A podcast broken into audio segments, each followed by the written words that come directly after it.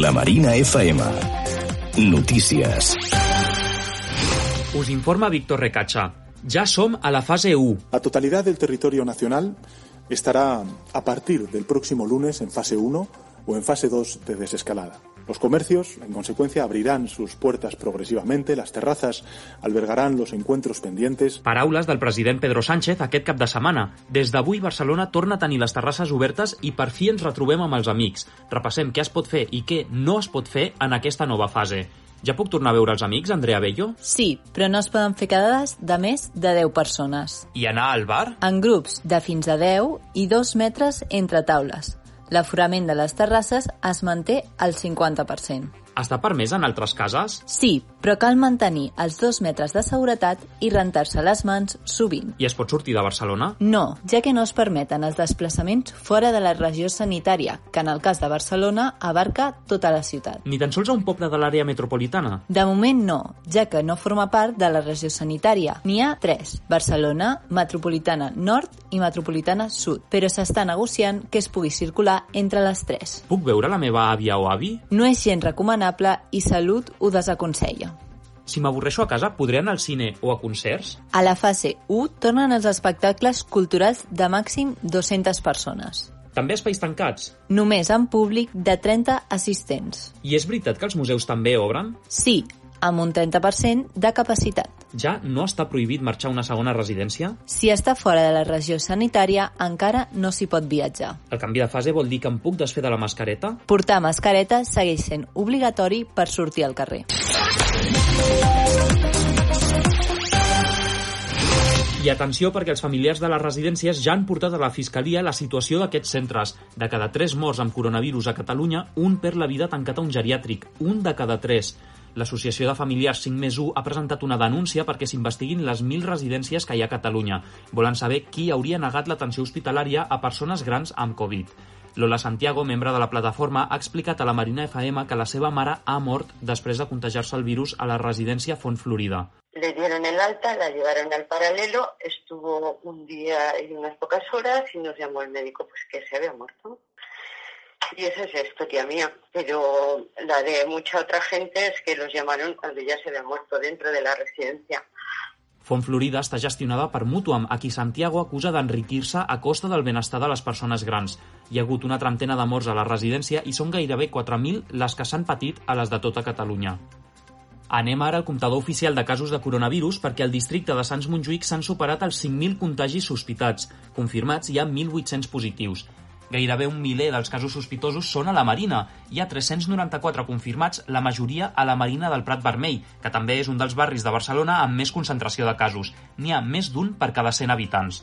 El ministre de Sanitat, Salvador Illa, destacava ahir la frenada en el creixement de casos a Espanya. Día a día las cifras nos reiteran el mismo mensaje, que el estado de alarma ha funcionado y además yo les quiero añadir que el estado de alarma es necesario para la gestión de este proceso de transición a la nueva normalidad, para la gestión de este proceso de, de desescalada. Illa també va anunciar que Sanitat està valorant accelerar les fases de desescalada. Ara, per passar de fase, calen un mínim de 14 dies. El govern central presenta un pla per salvar Nissan. La ministra d'Indústria, Reyes Maroto, ha fet una proposta perquè l'empresa es quedi a Espanya i no tanqui plantes com la de Zona Franca. En una entrevista a El Espanyol publicada divendres, Maroto assegura que ha oferit a la direcció del Japó suport per invertir. Per cert que avui és el dia 22 de vaga a les fàbriques de la marca. Els treballadors han posat en marxa una caixa de resistència. Els que estan cobrant l'acomiadament temporal ajuden els seus companys en vaga. L'Ajuntament tanca Montjuïc els cotxes perquè s'hi pugui fer esport. Per primer cop, dissabte i diumenge, Montjuïc s'ha buidat de trànsit. A partir d'ara, l'escena es repetirà cada cap de setmana fins a finals de juny, igual que sis eixos més a tota la ciutat. Divendres va explicar-ne els motius la tinenta d'alcaldia d'Urbanisme, Janet Sant. En el cas de la muntanya de Montjuïc, volem que aquest parc, que és un pulmó verd de la nostra ciutat, sigui un espai 100% segur per fer esport, passejar i caminar. I per això tanquem la circulació dels vehicles de motor, dels cotxes, a tota la muntanya, en tots els seus accessos, exceptuant puntualment aquells que tenen a veure doncs, amb el pas dels veïns que accedeixen als seus domicilis. Per tant, des de les 9 del matí de dissabte fins a les 9 de la nit de diumenge, els veïns i veïnes poden gaudir de la muntanya per fer activitats esportives o passejos. Ara l'Ajuntament estudia ampliar la mesura més enllà del 30 de juny. I malgrat la pandèmia, la tasca de dinamització cultural als barris de la Marina no s'atura. Els centres cívics de la Casa del Rellotge i la Cadena organitzen tallers online gratuïts. Les activitats inclouen un gran ventall artístic i arribaran el 2 de juny. Es tracta d'una prova pilot per adaptar l'activitat presencial i evitar el contacte físic gràcies a les noves tecnologies. La directora del centre cívic La Cadena, Àngels Masquer, ens explica els objectius dels nous tallers virtuals. Com que la nostra feina és bàsicament apropar la cultura a la gent, no? les diferents eh, disciplines artístiques i, i expressions culturals de la gent, doncs eh, la idea va anar per aquí. Mentre no poguéssim obrir, doncs poder eh, seguir apropar la cultura a la gent i oferir una proposta cultural a l'abast de tothom. A cada taller hi participarà una dotzena de persones. Hi ha un total de 18 classes, des de les arts escèniques fins a les plàstiques. Els grups reduïts facilitaran el contacte entre professor i alumne. Centres cívics i entitats han hagut d'adaptar el seu horari per les noves mesures de seguretat. Això obliga a diversificar els canals de distribució de contingut per seguir apropant la cultura als veïns i veïnes del barri. I als esports, el Club Atlètic Ibèria anuncia dos nous fitxatges per la temporada vinent. Albert Aguilar ens amplia aquesta informació. Després de la decisió de la Federació Catalana de Futbol de donar per finalitzada la temporada, l'Ibèria ja posa els ulls en la següent campanya. Amb les dues noves incorporacions, l'equip verd i blanc busca millorar la zona d'atac. El primer a afegir-se ha estat Rubén Raquena, un mig punta amb talent per generar jugades de gol. La segona arribada ha estat l'Ardós Carcane, per reforçar la banda esquerra. Recordem que l'Iberia ha finalitzat la temporada a la cinquena posició i sense possibilitat d'ascens de categoria.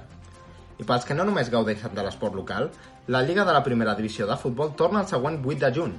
A la jornada 28, l'Espanyol jugarà a casa amb l'Alavés i el Barça anirà a l'estadi de Son Moix, on jugarà amb el Mallorca. És tot per ara. Més notícies als següents butlletins al portal lamarina.cat i al nostre Twitter, Facebook i Instagram, lamarinacat.